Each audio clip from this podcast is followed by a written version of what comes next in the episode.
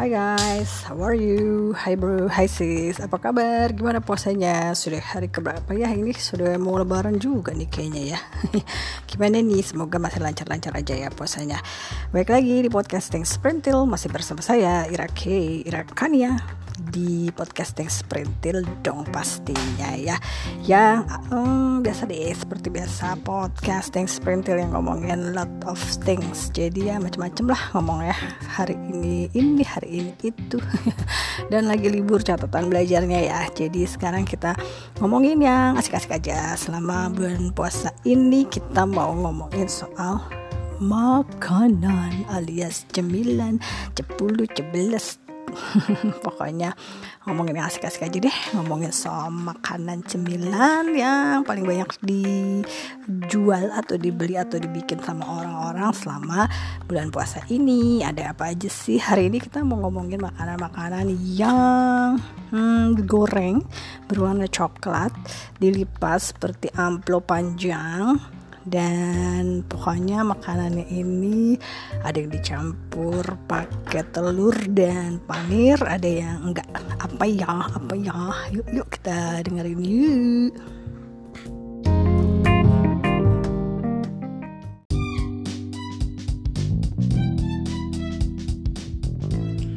Hello, back. Oke, okay, bro and sis, kita mau cerita tentang makanan yang digoreng warnanya kotak-kotak dilipat.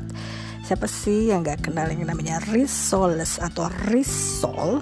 Ya, ini adalah makanan cemilan, ya makanan kue-kue basah ya, yang sering ditemui di jajanan-jajanan pasar ya. Makanan ini isinya daging ya, biasanya sih daging cincang dan isinya ada sayuran, uh, terus uh, jadi bikinnya itu adalah dibungkus uh, apa ya kayak semacam uh, dadar gitu ya di tepung yang digoreng. Nanti sebelum digoreng dilapisi tepung pandir dan kocokan telur ayam.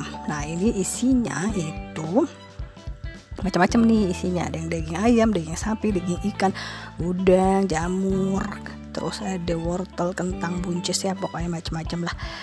Gitu. Nah sedangkan kalau adonan dadarnya sendiri itu dari tepung terigu kuning telur mentega air dan susu. Gitu. Nah ada dua macam nih sebenarnya risol ya kan? Yang kita tahu sekarang kan ada risol yang bentuknya panjang dilipat seperti amplop panjang ya amplop panjang. Terus ada juga yang risol bentuknya segitiga. Nah ini kalau yang risol segitiga ini umumnya berisi berisi ragut ya. Jadi dia itu isinya adalah ragut ya. Apaan sih ragut ya? Ragut itu kayak semacam apa ya? Bentuknya kayak pasta gitu. Ada sayurannya juga tapi bentuknya apa ya?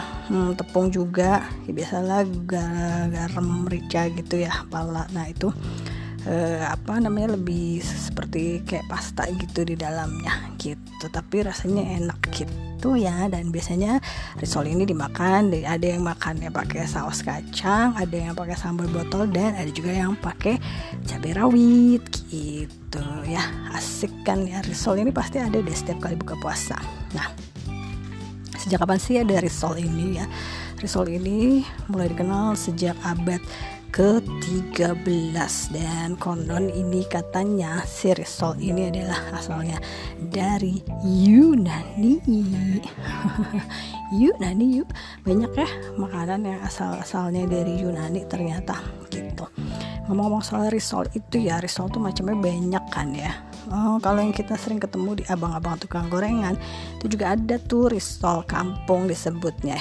Bukan risol kampung deh apa ya? Ya risol abang-abang di tukang gorengan gitulah. Nah itu kalau yang ini isinya sih biasanya bihun doang gitu. Jadi biasanya cuma bihun terus digoreng aja udah gitu. Terus makannya pakai cabai gitu. Terus ada juga yang si risol isi daging itu uh, isinya rogut ayam atau ada yang udang juga ya ada yang daging juga. Nah itu juga rasanya endes banget. Nah terus ada lagi nih risol yang isinya mayones dan telur. Nah kalau yang ini ini adalah biasanya disebutnya American risoles ya. Jadi risol Amerika ini ya kalau yang isinya telur dan mayones dan daging asap ya biasanya. Nah ini sebenarnya risol gaya Amerika ya Ameriki. Jadi ini juga rasanya enak sekali ya. Apa sih yang gak enak buat Eke? Ya namanya juga ibu-ibu hobi makan. Gitu ya. Terus ngomong-ngomong soal makanan yang dibalut pakai panir jadi kan si risol itu tadi kan udah di dada ada dadarnya terus diisi dikasih isian. Terus habis itu di apa namanya dikasih telur terus di apa dilapisin panir kasih uh, telur terus digoreng gitu kan. Nah ngomong-ngomong soal makanan yang kasih panir itu juga ada sih sebenarnya. Bentuknya sih sekilas uh, apa ya teksturnya sama kalau dari luar kayak si risol ini. Tapi dia uh, terbuat dari uh, kentang. Nah ini kalau yang ini kan namanya uh, apa coba ya? Ayo ayo ayo ayo. Dari kentang digulung-gulung juga dikasih tepung panir juga dikasih telur juga digoreng juga. Itu adalah makanan yang asik juga rasanya enak dimakan pakai cabe itu pakai sos botolan juga enak. Yang ini namanya kroket kentang. Yeay, siapa yang suka. Saya sih suka banget ya kroket kentang. Apa sih yang nggak suka? Saya sih semuanya juga suka deh.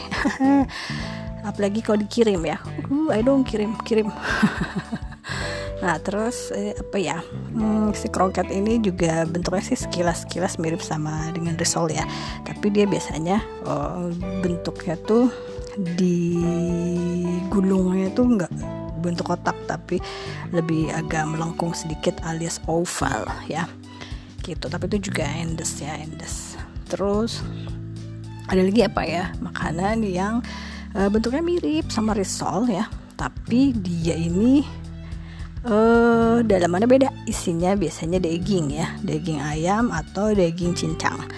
Tapi kalau dari luar tampangnya mirip mirip banget. Tapi sebenarnya dia hmm, apa ya digoreng juga tapi uh, telurnya nggak dikasih lapisan telur tapi nggak dikasih panir nah ini uh, biasanya pakai telur sama ada dadarnya juga. Nah ini namanya sosis solo. Ya namanya sih sosis solo tapi jangan dibayangin kalau bentuknya kayak sosis yang biasa kita makan itu ya. Bukan itu sama sekali berbeda. Nah si sosis solo ini ini kenapa sih namanya sosis Solo? Ternyata tuh ada cerita di balik itu semua ya. Jadi uh, kalau sosis sendiri kan itu adalah daging sapi eh, daging ya. Kalau sosis itu kan maksudnya daging yang uh, dibalut dengan usus atau lembaran lemak. Nah itu sosis. Tapi ini adalah namanya sosis Solo.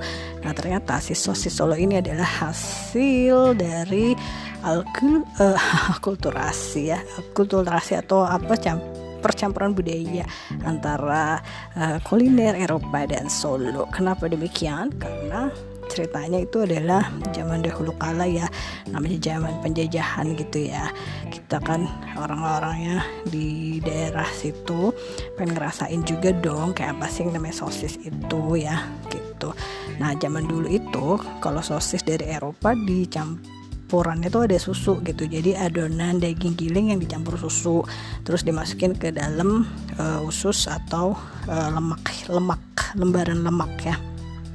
Nah itu. Jadi kan ya kalau kebanyakan orang-orang zaman dulu ya mungkin nggak makan uh, apa nggak minum susu gitu. Jadi akhirnya di uh, apa namanya di kreatif lah ya orang-orang situ. Jadi uh, apa namanya bikin lah gitu dicampur lah atau dibikin lah versi uh, apa versi solo gitu. Bumbunya kasih merica bawang putih pala gitu.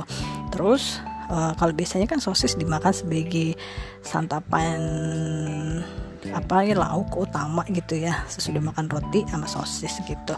Nah kalau sosis solo itu cuma ca jadi camilan doang gitu ya. Jadi cukup kreatif sebenarnya ya ini.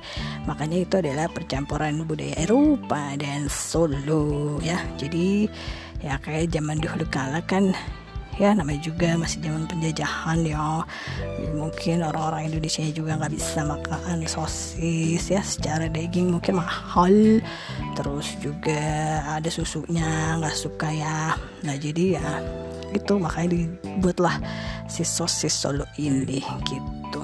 Kulit sosis kulit sosis Solo itu uh, tipis bikinnya ya tidak apa namanya kalau kayak risol kan memang dilumurin telur terus dikasih panir terus digoreng gitu. Kalau ini tampilannya lebih apa ya tidak setebal uh, risol gitu. Tapi karena dalamnya ada daging sih ya enak-enak aja ya ya kan? Terus ada lagi nih satu lagi makanan yang uh, banyak juga sih dijual di bazar-bazar Ramadan ya itu uh, bentuknya mirip sama risol dan sosis solo alias bentuknya dilipat seperti amplop panjang atau digulung juga ya. Itu ada makanan yang namanya lumpia. Lumpia. Enak ya lumpia. Nah ini makanan lumpia ini juga banyak sih di bazar-bazar Ramadan gitu ya. Lumpia ini hmm, asalnya sudah pastilah dari Tionghoa ya gitu. Uh, ini lumpia terdiri dari lembaran tipis tepung gandum yang jadi pembungkus. Dagingnya dan isiannya itu adalah harusnya itu isiannya itu rebung telur sayuran segar daging dan makanan laut atau biasanya udang gitu ya. Tapi kalau udah zaman sekarang sih kayak macam-macamnya isiannya nggak ada nggak harus selalu ada apa namanya udangnya atau rebungnya. Mungkin rebungnya agak susah juga ya nyarinya gitu. Mungkin kalau ya kita yang tinggal di kota-kota besar gitu nggak jarang juga sih ada yang jualan rebung gitu. Tukang sayur nggak bawa juga rebungnya kan. Jadi uh, lumpia ini juga banyak ya jajanan sebagai jajanan buka puasa ya. Lumpia biasanya makannya dicampur sama ada sausnya khusus gitu ya. Enak deh pokoknya. Terus ngomongin soal makanan ya ampun jadi lapar juga ya. Uh, ada sosis solo, ada risol, ada kroket, terus ada lagi apa tadi ya? Hmm, ada lumpia, terus apa ya? Risol saja ini kan macam-macam ya isinya. Ada yang isi sayur, ada yang isi daging asap, dan telur dan mayones. Terus ada juga yang isinya cuman uh, apa namanya isinya itu cuma bihun doang ya itu yang sangat-sangat sederhana ya gitu deh bikinnya juga gampang yang lebih gampang lagi juga beli aja di pasar ya. Pasar jajanan pasar atau di bazar-bazar Ramadan ya. Ya wes deh kalau gitu. Hmm, segini dulu ceritanya soal cemilan-cemilan yang berbalut panir dan berwarna coklat alias coklat. Jadi uh, cerita lagi nanti ya soal makanan yang lainnya. Aduh enak deh pokoknya mah. Ini sudah pasti deh nanti.